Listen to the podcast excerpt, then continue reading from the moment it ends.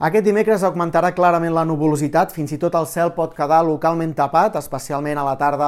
en comarques de Lleida, de l'interior de les Terres de l'Ebre, però de precipitacions n'esperem ben poques, tan sols alguna botellada aïllada, sobretot a la tarda a la cara nord del Pirineu, i temperatures que es mantindran altes per l'època, tot i així baixant una mica les màximes per la falta de sol i moltes es mouran entre els 17 i 22 graus. Migdia suau, poc fred també el que hem tingut a primeres hores i de cara a demà dijous entrarà ben reescalfat que farà pujar transitoriament les temperatures. Tindrem un pic d'aquesta atípica primavera, especialment eh, ascens dels termòmetres al prelitoral, comarques de Girona i moltes màximes de 20 a 25 graus. Per tant, totalment fora de lloc per l'època, tot i que a últimes hores ja arribaran més núvols i algunes precipitacions al Pirineu, amb una cota de neu que es desplomarà ràpidament.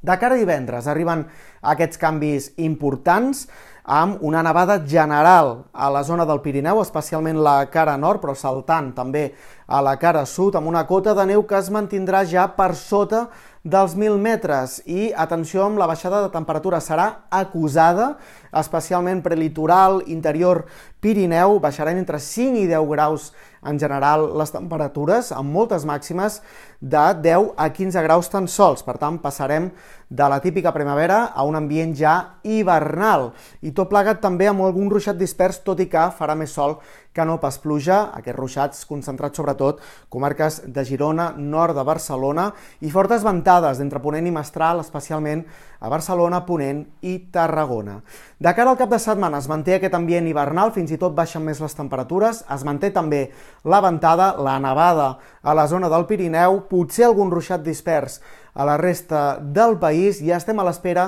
a veure què passa de cara a la setmana vinent, que no es podrien descartar precipitacions per l'arribada d'una borrasca, un extrem incert encara que haurem d'anar confirmant.